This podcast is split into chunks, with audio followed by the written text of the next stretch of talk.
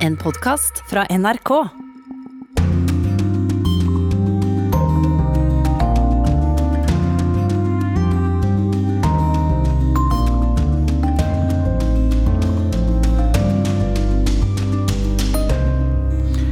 Velkommen til Urix på lørdag, her i studio Øystein Heggen. Etter 15 år ved makten får vi i dag vite hvem partiet CDU utpeker som denne mektige politikerens etterfølger. In neun Monaten ist Bundestagswahl, zu der ich ja nicht wieder antreten werde. Dies ist deshalb heute aller Voraussicht nach das letzte Mal, dass ich mich als Bundeskanzlerin mit einer Neujahrsansprache an Sie wenden darf. Om ni måneder er det valg i Tyskland, så neste gang er det ikke jeg som holder denne nyttårstalen, sa Angela Merkel 31.12. i fjor. Og i dag får vi altså vite hvem som etterfølger henne. Og i dag starter også verdens største vaksineprogram mot koronaviruset i India. the world's largest vaccination program eventually as we build it up over months to come with the full cooperation of uh, people, the state governments, and all of you. En av regjeringens rådgivere i India der. Og den forgiftede russiske opposisjonspolitikeren Aleksej Navalnyj føler seg så frisk at han reiser hjem fra Berlin til Moskva i morgen, kanskje til en arrestasjon. Og i koronaens kjølvann følger skremmende fattigdom i Frankrike. En 22-årig student ved Paris universitet har ikke spist på två dager. Og korrespondentbrevet det er en hyllest til Libanon fra vår nye korrespondent der, Yama Wolasmal. Og vi har ikke glemt USA og dramaet i Kongressen i Washington for en drøy uke siden. Hør vitner fortelle i ukens podkast. I heard breaking glass and uh, shouting and uh, a, uh large explosion, which I can only imagine was a uh, sort of a flash grenade. Vi åpner i Tyskland, for forbundskansler Angela Merkel går av til høsten, som vi hørte, og mens vår sending pågår, velger hennes parti, CDU, både ny leder og partiets statsministerkandidat. Men til høsten er det ikke sikkert at den nye partilederen også blir kanslerkandidat til valget på ny forbundsdag i eh, september. Det har gått to år siden Anne-Grete Kramp-Karrenbauer ble valgt til ny partileder. Under landsmøtet i Hamburg. 517 Stimmen, das sind 51. Det var hun som skulle ta over etter landsmoder Angela Merkel. Men slik skulle det ikke bli. Det ble tabber og kritikk, og et delstatsvalg i Turingen som spann helt ut av kontroll. I februar i fjor trakk hun seg. Så kom koronaepidemien til Europa, og valg av ny leder har blitt utsatt flere ganger. I går åpna landsmøtet i Berlin uten publikum.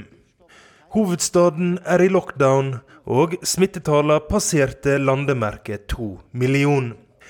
Delegatene deltar derfor over internett. Og kandidatene blir vist fram i en stor sal uten publikum. Det hjelper heller ikke at de tre håpefulle er middelaldrende menn. De vil bli partileder i det mange kaller Europas mektigste parti, men sliter med å skape nok blest rundt seg sjøl. Den mest profilerte av de tre er kanskje forretningsadvokat Friedrich Merz. Han representerer den konservative fløyen i partiet. De som mener Merkels sentrumspolitikk er en byrde for næringslivet, og de som mener det er på tide med en ny kurs. Jeg bringer med regjeringserfaring Armin Laschet er leder i delstatsregjeringa i Nordrein-Vestfalen, Tysklands mest folkerike stat. Han er kandidat for sentrum og en alliert av Merkel. Jeg bin kein Lager. Jeg står for alle. Norbert Rødtgen var den første som kasta seg inn i leierkampen, men kanskje også den som har minst sjanse. Han er leder av utenrikskomiteen i forbundsdagen. Det at kandidatene mangler profil og tyngde, betyr at det denne gangen ikke nødvendigvis er den nye partilederen som også skal bli kanslerkandidat og Merkels arvtaker.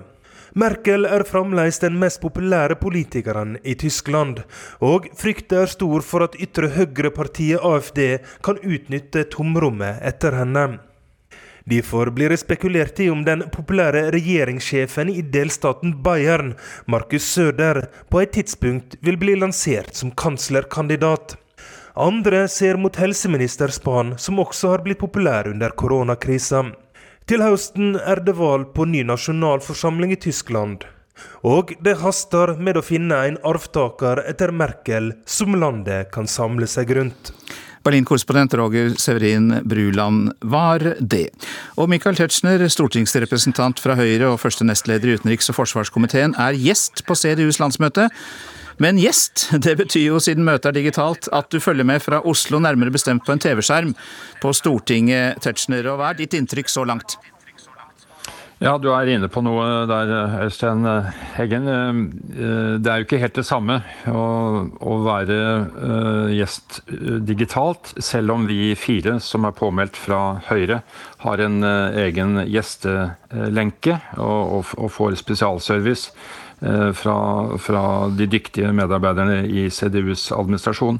Så det blir litt tamt, og vi var jo til stede under den forrige, eh, det forrige partilandsmøtet, eh, da Ann-Greth Kramp-Karrenbauer ble valgt i 2018, og da gikk det jo ordentlig eh, for seg med, med stemning og, og, det man får når over 1000 mennesker er samlet i, i en sal.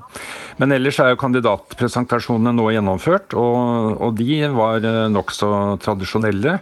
Og, og samtidig også ganske opplysende.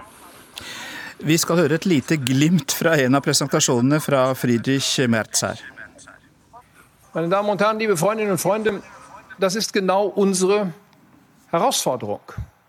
Konsens und Kompromiss, Maß und Mitte zu halten. Aber wie machen wir das? Ja, Han går altså inn for eh, konsensus og kompromiss i tysk politikk, og at vi eh, har motstandere og ikke fiender. Eh, men han sa også at dette er ikke noe man finner i en oppskriftsbok eller i en bok i statsvitenskap. Dette må skje i politikken, og dette med å finne gode kompromisser er noe man må holde på med for å styrke demokratiet hver eneste dag. Og Friedrich Merz, som vi hørte også Severin Bruland nevne, Tetzschner, er vel favoritten? Ja, det um, har man jo ikke den samme følelsen av uh, når man uh, må, må høre andres vurdering av dette. Men det sies at han, han, er kanskje den som ligger et hestehode foran, og at den som har kommet litt etter i dette kappløpet av disse tre kandidatene, det er Norbert Rødtgen. Så når man da hørte Friedrich Merz de blir jo, Man lytter jo til disse kandidatene både med tanke på at de skal lede CDU, og overta etter Camp Karnbauer. Men enda viktigere er det også at man eh, betrakter dem som om de også skulle bli Merkels etterfølger som kansler. Og det er selvfølgelig en ganske krevende målestokk.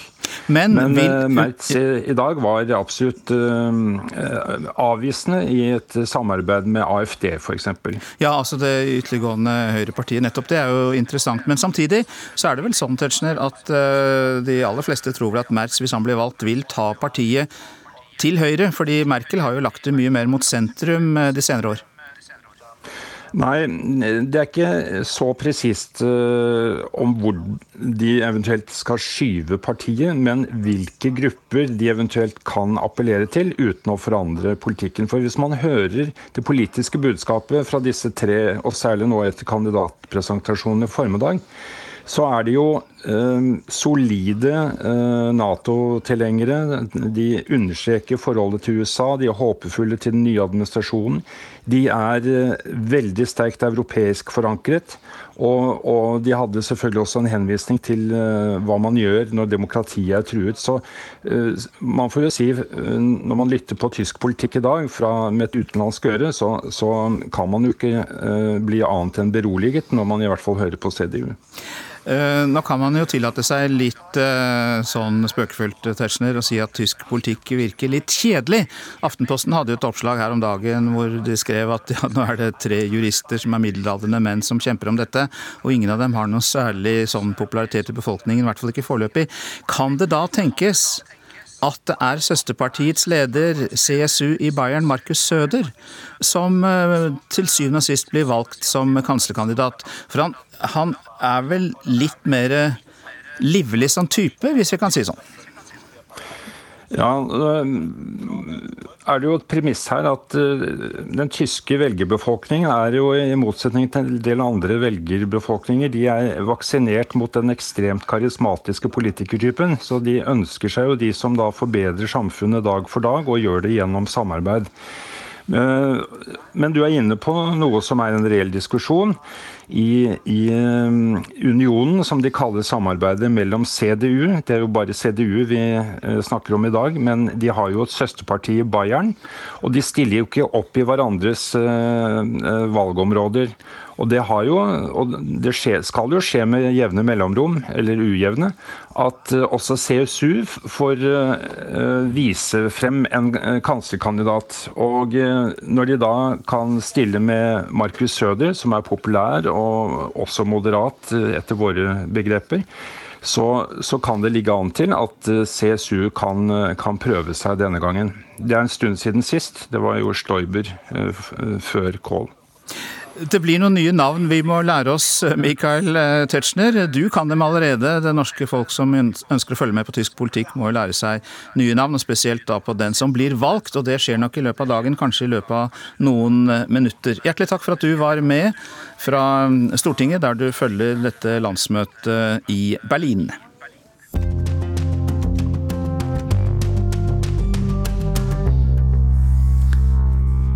I morgen kveld lander den russiske opposisjonspolitikeren Aleksej Navalnyj på en flyplass utenfor Moskva. I fem måneder har han vært i Berlin, dit han ble fraktet etter at han etter alt å dømme ble forgiftet i Sibir i august i fjor. Russiske myndigheter har sagt at Navalnyj kommer til å bli arrestert, men det er uklart om, de kommer, om det kommer til å skje allerede på flyplassen i morgen.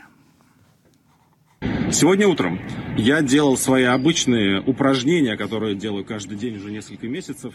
Det var onsdag denne uken Aleksej Navalnyj kunngjorde at han nå følte seg så å si frisk, og at han derfor hadde bestemt seg for å reise tilbake til Moskva. Но приехать в Германию это был не мой выбор. Это классная страна, но здесь я оказался не по своей Det var ikke mitt valg å reise til Tyskland, sa Aleksej Navalnyj med henvisning til at han ble fraktet i en respirator svevende skjebne liv og død etter at han plutselig hadde blitt akutt syk om bord på et fly fra byen Tomsk i Sibir tilbake til Moskva 20. august i fjor.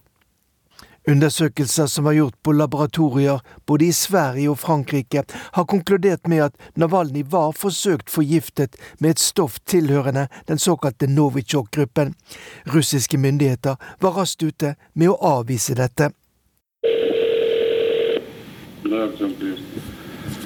Константин.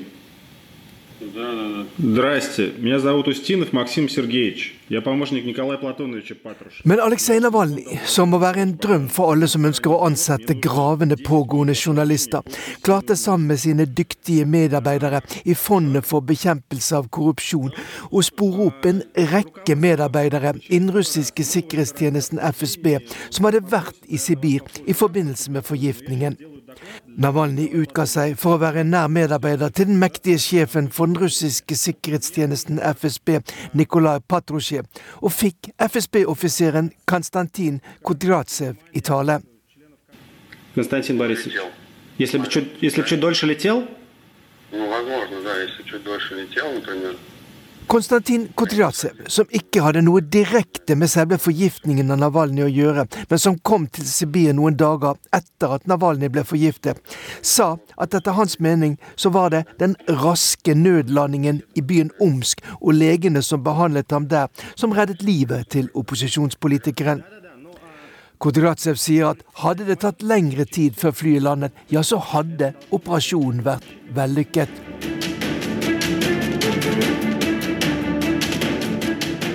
Det er først og fremst gjennom dyktig bruk av sosiale medier, ikke minst sin uhyre populære YouTube-kanal, Aleksej Navalnyj har fått en posisjon som den sterkeste opponenten til president Vladimir Putin og den russiske makteliten. Dmitrij Medvedev премьер-министр и бывший президент России. ikke minst videoen der Navalny viste at Dmitrij Medvedev, tidligere president og statsminister og en av Putins nærmeste medarbeidere, har klart å skaffe seg store eiendommer som ikke står i forhold til hans inntekter, som har gjort at mange har fått sympati med Navalny. Men denne sympatien har ikke gitt ham politisk innflytelse. Russiske myndigheter har effektivt brukt rettssystemet for å hindre Navalny å stille til valg, bl.a. som Putins motkandidat ved presidentvalget i 2018. Men da Navalnyj fikk stille i valget til ny borgermester i Moskva i 2013, fikk han 27 av stemmene, og det er nesten uten å komme til orde i statlige medier. Det viser at Navalnyj, til tross for at han scorer lavt på meningsmålinger, er en politisk kraft som russiske myndigheter, og ikke minst president Vladimir Putin selv, tar på fullt alvor. Det betyr at eh, denne eh, pasienten eh, i Berlinske klinikken Vladimir Putin har gjort det til en noe merkelig vane ikke å nevne Alexei Navalny ved navn. På sin årlige pressekonferanse før jul kalte han han bare 'pasienten i Berlin'. Putin avviste at FSB har stått bak forgiftningen av Aleksej Navalnyj i Sibir, og at hvis man hadde ønsket å ta livet av opposisjonspolitikeren, ja, så hadde man gjort det.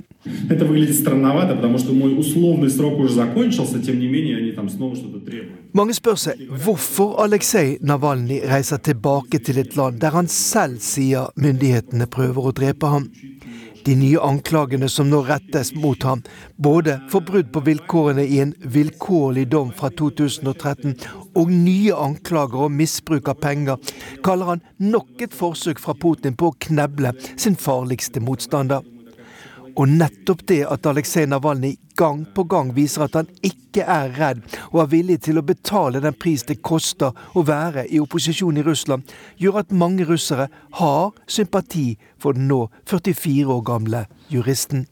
Reporter var Morten Jentoft.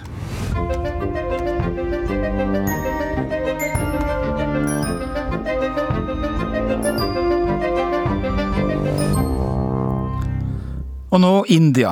I dag startes verdens mest omfattende vaksinasjonsprogram mot korona der. Med sirener og noen steder med blomsterprydede varebiler kommer koronavaksinen, som til delstaten Gujarat vest i India, som nyhetsbyrået Reuters viser fram. The world's largest vaccination program eventually as we build it up over months to come. Verdens største vaksineprogram blir bygget opp i India, sier medisinsk rådgiver for regjeringen, professor Vinod Paul til Associated Press. Oxford AstraZeneca-vaksinen som India bruker, trenger ikke ekstrem nedfrysing, men vi har klar en kjede av kjølestasjoner, sier helseminister Jay Radhakrishnan i Tamil Nadu sørøst i India. Frykt ikke bivirkninger av vaksinen, sier professor Vinod Paul. Ingen risiko av betydning, bedyrer regjeringens rådgiver til millioner av indiere som nå skal stikkes i armen. There is no risk of any significance. Og nå til deg, Dan Banik, professor i statsvitenskap ved Senter for utvikling og miljø ved Universitetet i Oslo. God formiddag. God dag. Hvordan kan India klare å rulle ut en så omfattende vaksineringsplan? Det er et godt spørsmål, Øystein. Alt India gjør, innebærer jo vanvittige store tall. Og alt blir jo omtalt som verdens største. Så dette som skjedde i dag, verdens største vaksineutrulling, begynte jo for noen timer siden. Og planen er å vaksinere vanvittige 1,3 milliarder mennesker. Og bare i løpet av dagen er det snakk om å vaksinere 300 000 mennesker. Så det som er spennende, er at vaksinen er gratis. Um, og myndighetene har jo Dette er jo ikke noe som de begynte i dag. De har forberedt seg på, uh, i flere måneder. Og, og, det er snakk om å vaksinere 300 millioner uh, helsearbeidere, eldre, sårbare grupper innen august. Så uh, dette er fase én.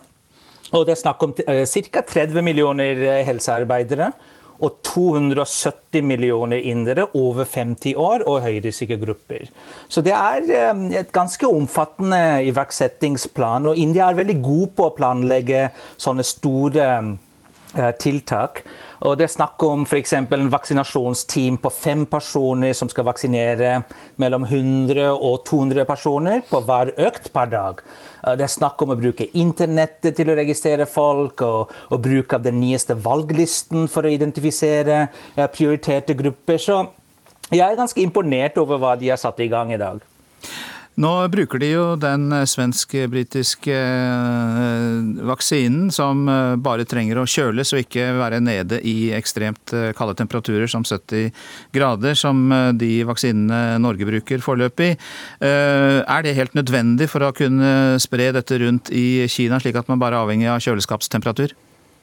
Det er jo det som veldig mange er litt sånn bekymret for. da. Så Én ting er å, å, formulere en så omfattende iverksettingsplan, men så er dette med utfordringer koblet til transport, kjølestasjoner, varme, særlig fra mars. Det blir varmt i India, sommeren kommer. Um, og selv om det er ikke snakk om så uh, store eller uh, høye liksom krav da, for, å, for, å, for, disse vaksinene, så er det også en del uh, bekymringer rundt uh, disse to typer vaksiner som uh, indere skal få. Det ene er, som du nevnte, Oxford AstraZeneca-vaksinen, som heter Covishield i India, og produsert av Serum-instituttet, som er verdens største vaksineprodusent. Og den andre heter Covaxin, som er produsert av indiske Bharat Biotech, det er et selskap i samarbeid med indiske myndigheter. Og kritikken har vært um, uklarhet på hvilket vitenskapelig grunnlag disse to vaksiner har uh, blitt godkjent på. Så f.eks. veldig mange lurer på hva slags kriterier britiske myndigheter brukte for å godkjenne AstraZeneca-Oxford-vaksinen. Men den største kritikken har vært rettet mot den lokale produs eh, produserte Covaxin, da, som ennå ikke har fullført fase tre-undersøkelser. Så, så, det er den manglende kommunikasjon og datagrunnlaget som skaper forvirring. Og man kan egentlig ikke velge som inder hvilken av disse to man skal få. Så, så det fører til litt usikkerhet. Eh, til slutt, Dan Banik, tror du at man har klart å vaksinere alle disse 1,2 milliardene i løpet av dette året? Jeg tipper at det kanskje kommer til å være en del utfordringer. Men det som gir meg litt håp, er at India er det er verdens største produsent av lekemidler. Og, og, det er ofte snakk om at landet er verdens største apotek. Så hvis noen land kommer til å klare dette, så er det India. Og det er ikke bare snakk om hva India klarer å gjøre i India. Det er også snakk om hva India kan bidra med i det store utlandet. Så det er snakk om hvordan eh, man kan bruke vaksinediplomatiet. Da. India har f.eks. sagt at man skal i tillegg til å vaksinere sin egen befolkning, også sende sine, vaksiner til sine naboer. Um, venner, partnere.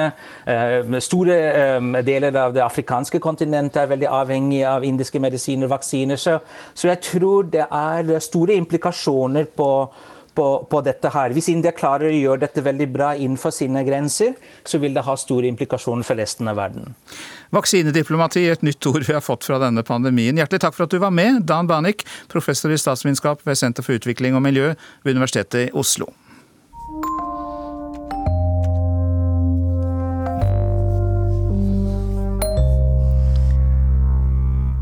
I Frankrike roper hjelpeorganisasjoner varsko om fattigdom som følge av koronakrisen. Landet er verdens sjette rikeste industrinasjon, men det er mange fattige, ti millioner.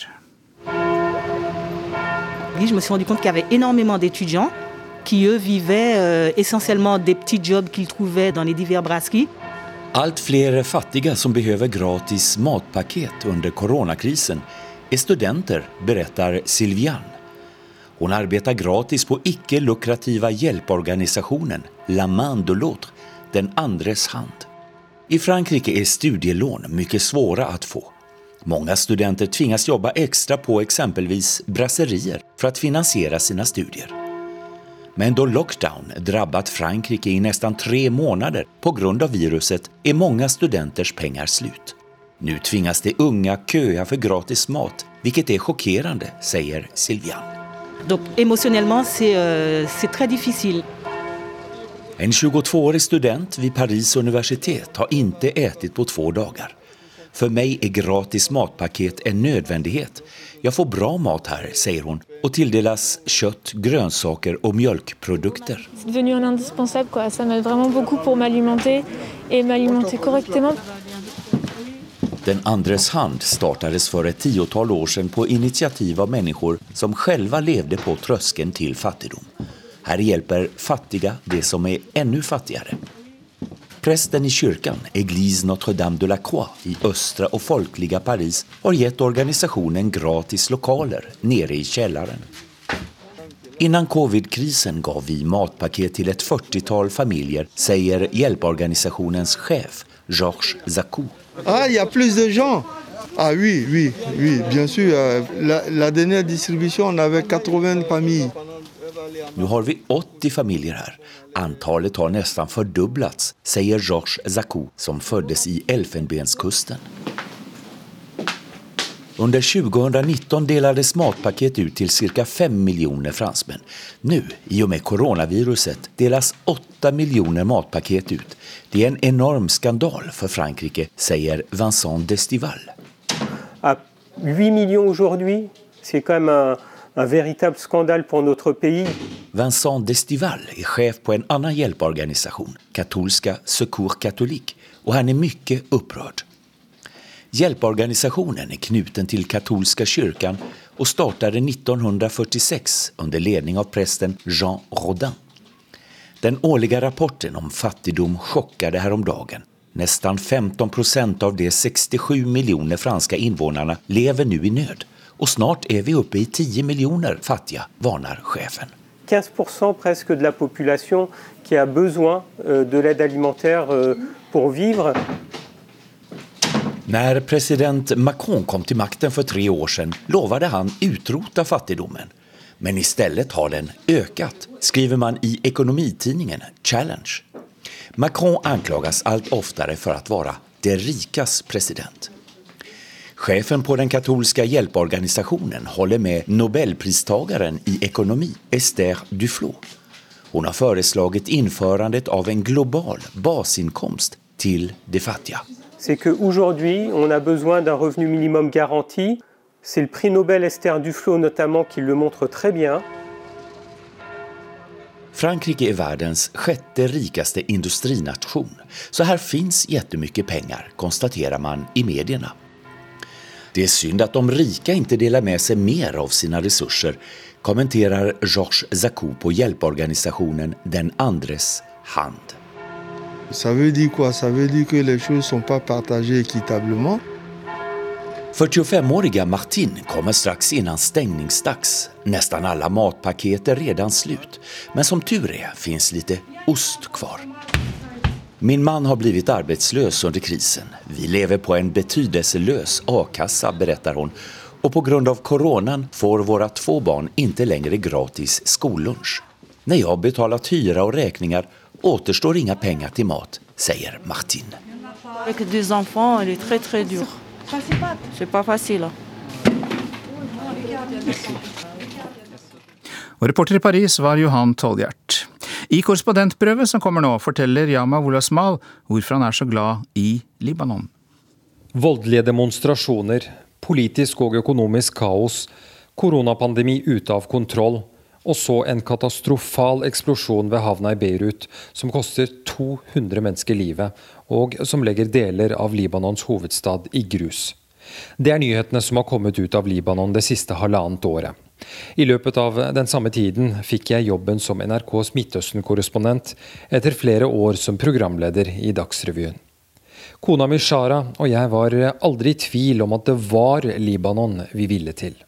Men for mange rundt oss var dette fullstendig uforståelig. Hvorfor i all verden ønsket vi å flytte til et kaotisk land som Libanon? Det var til og med familiemedlemmer som antydet at vi var uansvarlige foreldre som tok med oss to små barn til et slikt land. Kanskje ikke så rart når man ser hvordan Libanon sakte, men sikkert har sklidd mot kanten av stupet. En økonomi i fritt fall som har kastet halvparten av befolkningen på 6,5 millioner ut i dyp fattigdom. I tillegg huser dette lille landet på størrelse med Rogaland fylke 1,5 millioner syriske flyktninger. Det er omtrent like mange som hele Europa tok imot under flyktningekrisen for noen år siden. Alle disse krisene er i ferd med å brekke ryggen på Libanon. Men de gjør også dette landet til et skattekammer for en journalist. Her fins sterke historier og skjebner på hvert gatehjørne.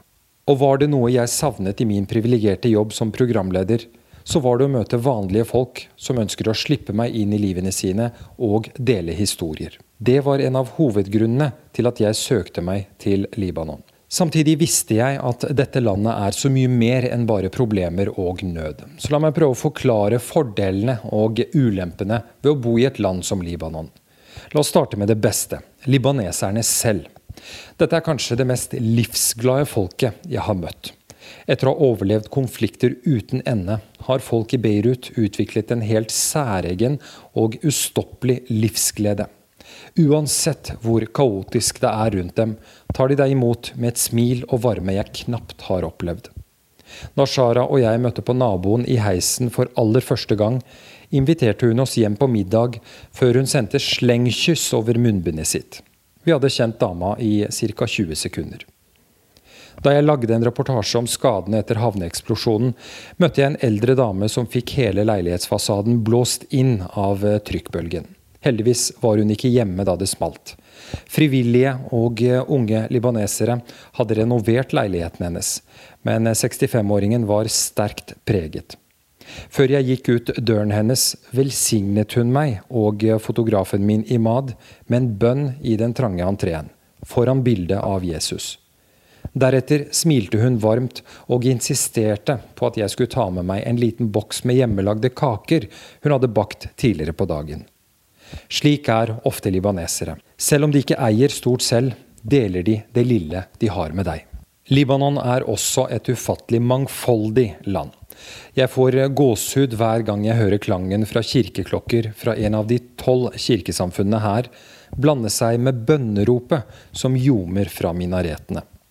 Det religiøse og etniske samholdet blant vanlige libanesere, ikke politikerne som splitter landet, gjør Libanon unikt i Midtøsten, som dessverre er kjent for sekteriske konflikter.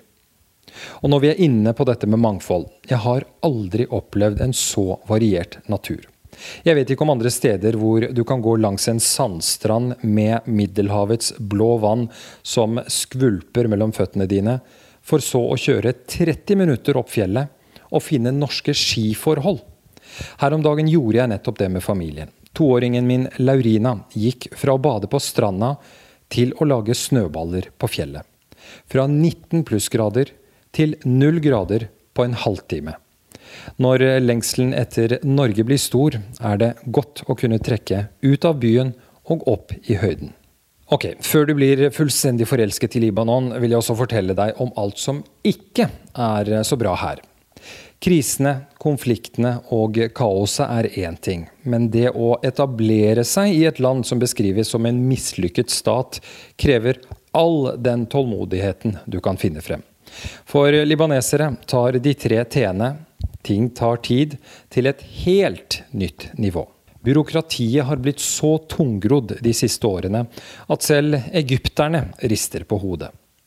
Jeg skulle åpne en konto hvor eh, vanskelig kan det være, tenkte jeg.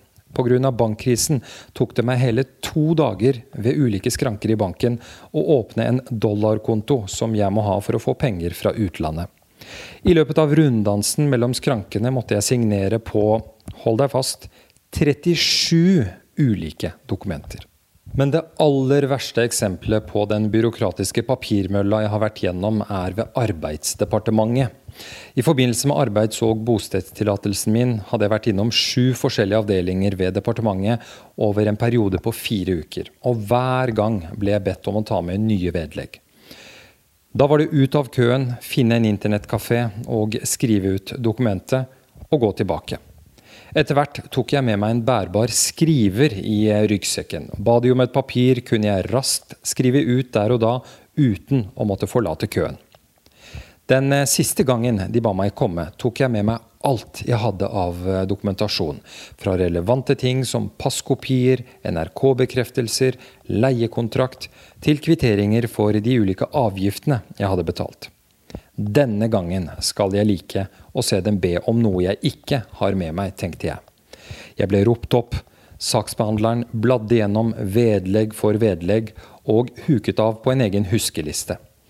Jeg ble mer og mer selvsikker og så meg stolt rundt ettersom hun kom lenger og lenger ned på listen sin.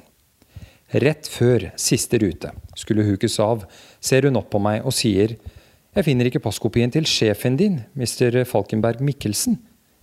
Hæ? brøt jeg ut ukontrollert. Hva skal du med sjefens passkopi? Det er han som har skrevet under på bekreftelsene dine. Vi må ha hans passkopi, sa damen, som om det var en selvfølge at jeg skulle drasse rundt på passkopien til sjefen min. Etter åtte utmattende uker fikk jeg til slutt min etterlengtede arbeidstillatelse. Jeg var ikke så glad den dagen jeg fikk lappen som da jeg fikk plastikkortet som ga meg lovlig opphold i landet som er på kanten av stupet. Så ja, Ting tar veldig lang tid i Libanon. Dette er et kriserammet land. De sliter politisk og økonomisk. Og det er mye nød å se her akkurat nå. Samtidig har libaneserne vært ute en vinternatt før. De har overlevd ganske mange ekstreme kriser. Og det er kanskje den pågangsviljen og motet de har til å finne en løsning i ganske håpløse situasjoner, som faktisk gjør meg optimistisk på vegne av dette fantastiske stedet, som jeg gleder meg til å kalle hjem de neste tre årene sa Yama Wolasmal. Og nå er det klart, Angela Merkels allierte Armin Laschet er valgt til ny partileder i det kristeligdemokratiske partiet CDU i Tyskland. Laschet er 59 år gammel og leder delstatsregjeringen i Nordrhein-Westfalen, og det er ventet at han vil videreføre Merkels sentrumsorienterte politikk i Tyskland. Og nå til ukens pod, som handler om stormen mot Kongressen i Washington. Tove, vi avslutta 2020 med å spå et langt roligere og kjedeligere 2021. Men allerede på dag seks av det nye året så bryter hundrevis av demonstranter seg inn i den amerikanske kongressen. Og på talerstolen står det en fyr i bar overkropp med horn på huet og brøler av sine lungers fulle kraft. Vi sitter her med en haug med bilder av det som skjedde 6. januar for å prøve å forstå hvem det var som ville inn. Og hvordan det egentlig var å være der inne. Du hører på Krig og fred. Med Tore Moland. Og Tove Bjørgaas.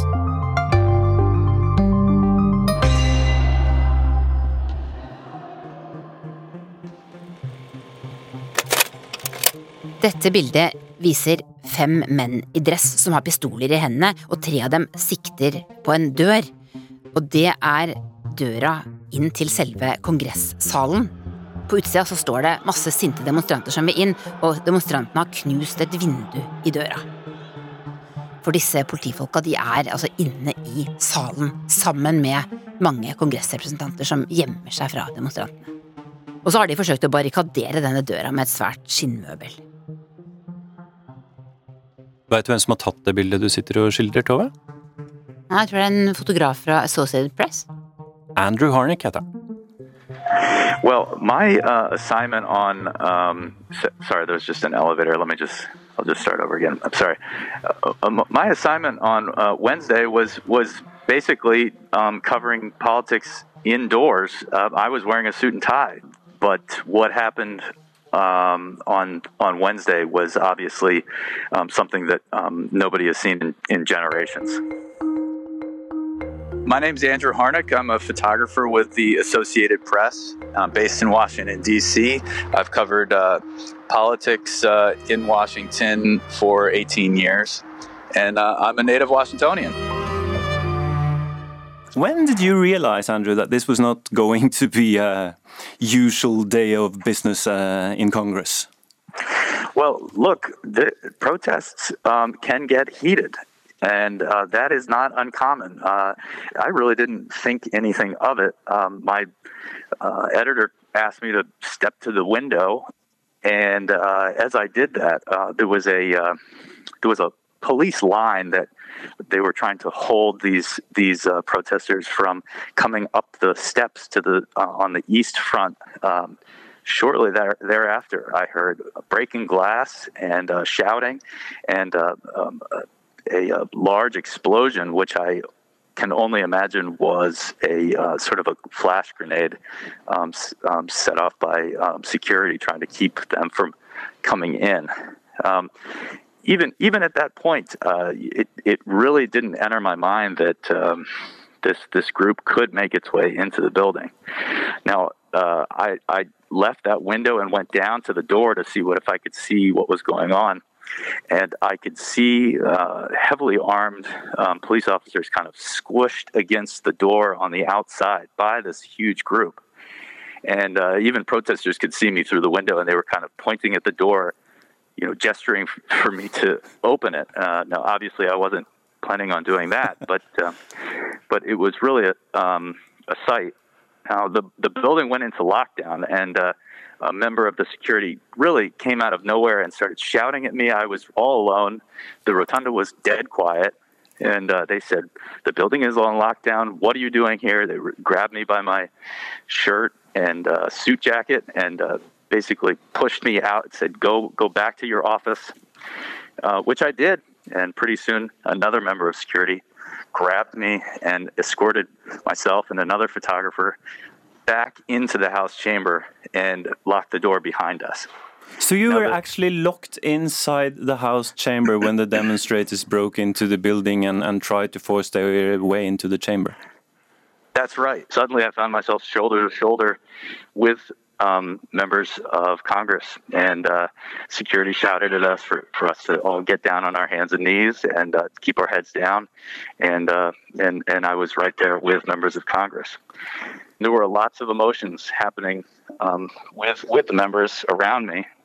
Um, you know, there was definitely fear, there was definitely um, anger, and uh, and and some sadness and, and kind of disappointment about what was what was happening. Members were on their uh, phones, uh, calling people, texting people.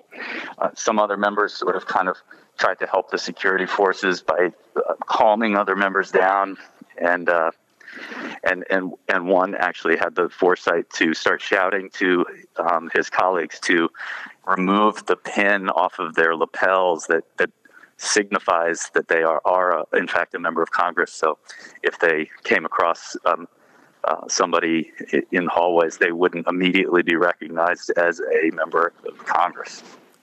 And all through this time, you took photographs, uh, Andrew Harnick. What was it like uh, doing your job under these circumstances?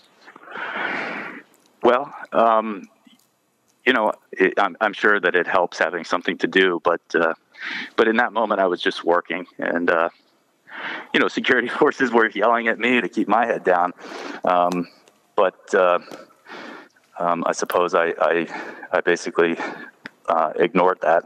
Um, they have a they have a job to do to keep us all safe, which I understand. But but but we also have the important job of of, of showing the world what's happening.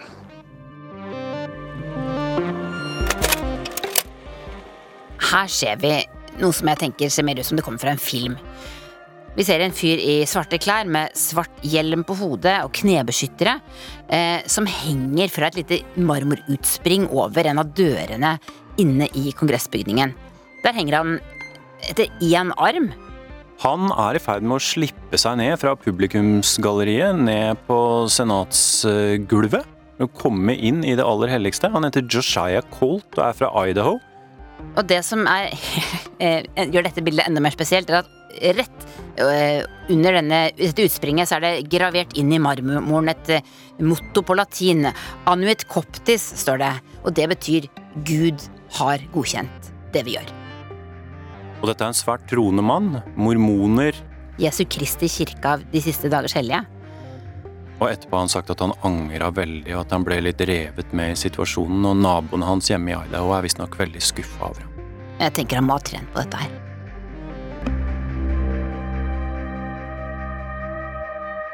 Hovedinntrykket mitt er at uh, ganske tidlig, altså onsdag 6. januar, når det her skjedde, så var det oppsiktsvekkende. Uh, og så kom det ganske snart bilder av nesten litt sånn morsomme karakterer. For eksempel han er med pelslue med vikinghorn. Og en litt eldre mann som sitter med føttene på bordet på Nancy Pelosi sitt kontor. Um, og det ble en sånn blanding av at man nesten flira litt av det, for at det var så vilt. Um, men så har egentlig tror jeg alvoret i hvert fall gått opp for meg da, gjennom de siste dagene, når stadig mer eh, bilder og videoer har, eh, har, kommet ut, og flere av de aktørene er plassert i en politisk kontekst. Jeg heter Jonas Skybakmoen, og jeg er journalist i Filter nyheter. Som har et spesielt fokus på ekstremistiske miljøer. Ja, vi har fulgt uh, politisk ekstremisme i fire-fem år. Uh, og da kanskje i hovedsak uh, høyreradikale og høyreekstreme miljøer.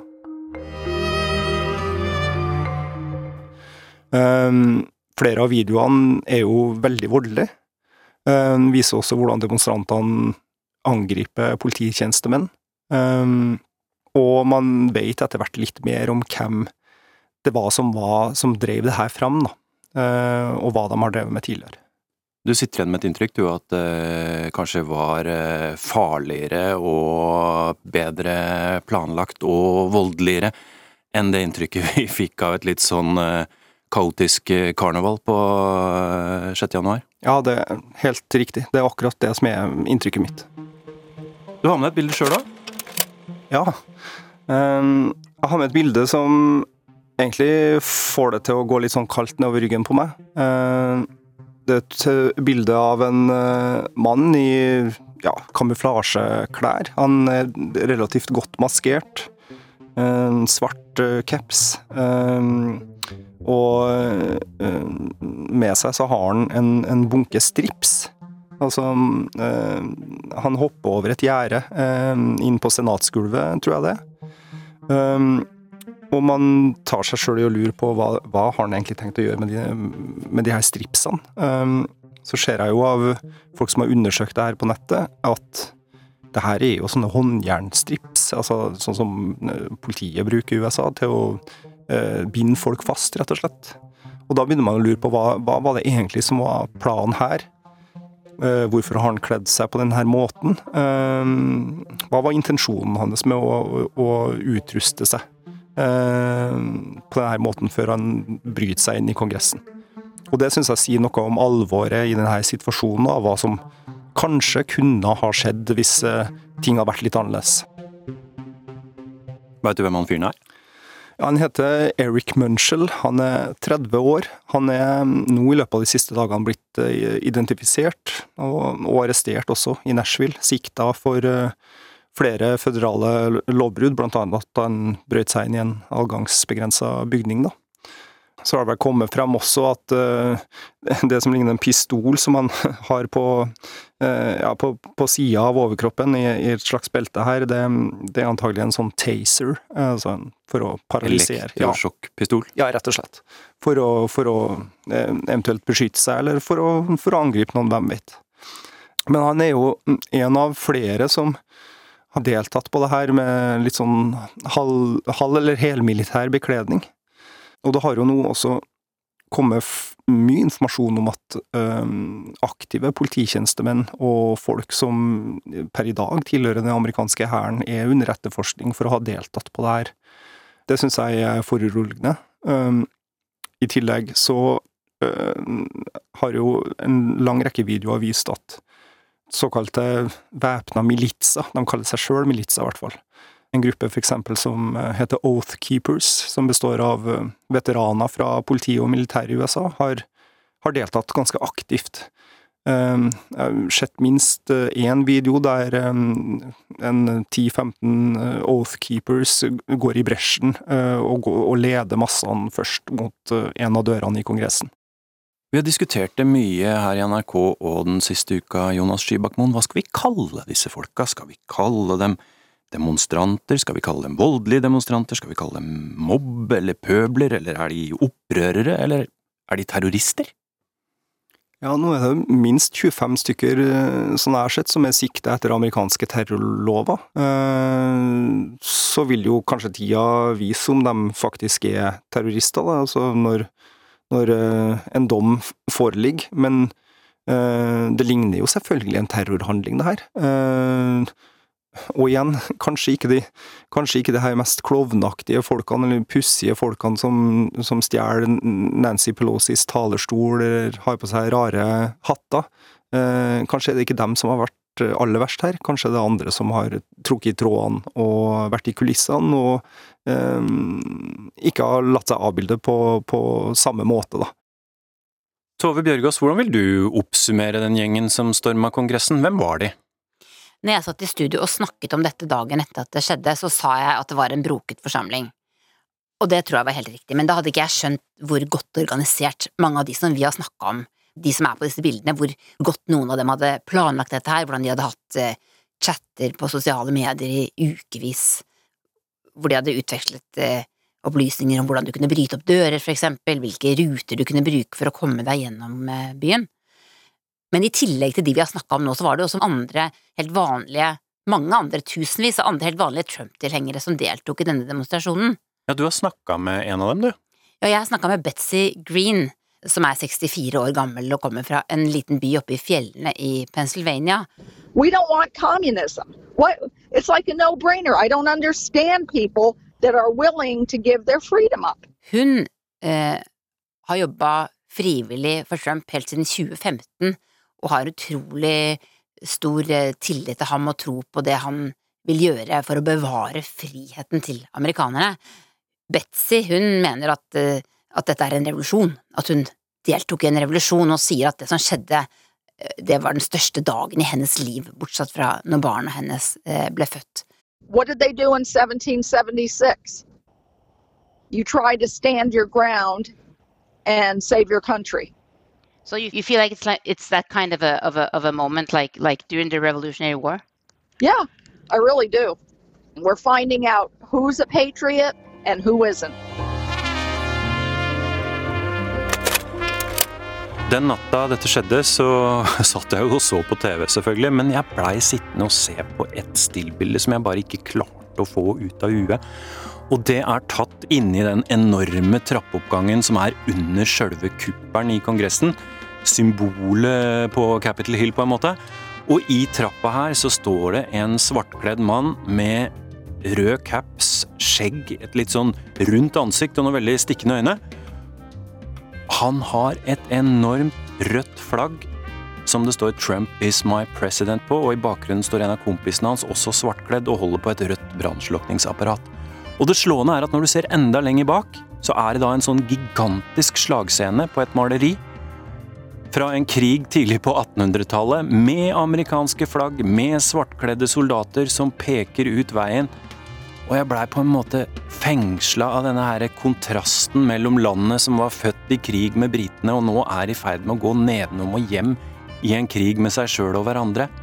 Og så gikk det ei lita stund, og så slo det meg at men hvis du ser på det fra en Trump-tilhengers øyne, da, så er kanskje han i forgrunnen like mye av en frigjøringshelt og en revolusjonær som de gamle krigsheltene på maleriet i bakgrunnen.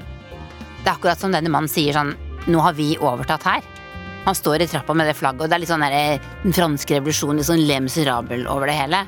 Og så er det jo én ting til her, da, og det er jo at dette bildet som henger i bakgrunnen, det har altså da et motiv som stammer fra den krigen som er forrige gang Kongressen ble storma, for 200 år siden av britene. Krigen i 1812. I 1814 skjedde det, men det heter vel krigen i 1812. Andrew Harnick, you were one of many photographers taking pictures of the storming of Congress. What will be the historic significance of those pictures? Well, well, obviously, uh, images made throughout the day on Wednesday will be, uh, I think, with us um, for decades to come. A still image um, can can have a lasting emotional response as a moment in time is sort of captured and, and locked in place forever. It's those moments in a chaotic situation, frozen, that uh, really uh, can bring an extra layer of um, emotional intelligence to a scene. After many hours, um, members of Congress were actually had to return back to uh, the Capitol building to continue their work late into the night. And uh, I had a little downtime at uh, maybe one in the morning, um, and uh, I just grabbed my camera and walked around the the Capitol building to see uh, what the building looked like. Um, the ground had sort of a, a slippery layer of sort of dust and chemicals um, throughout the building. Um, as I moved through the rotunda, which was um, darkly lit and quiet, uh, with heavily, heavily armed members of security forces um, sort of milling about, um, uh, I found a, a, a young um, congressman who was uh, he, he had just picked up a bag and was cleaning up uh, debris and uh, sort of personal items that had been scattered about on the floor of the rotunda. Um, I didn't even really realize that he was a member of Congress immediately. He did not seem like he was interested in sort of making this about himself or, or, or speaking with me as a member of the media. I think it was just something that he was doing for perhaps for himself.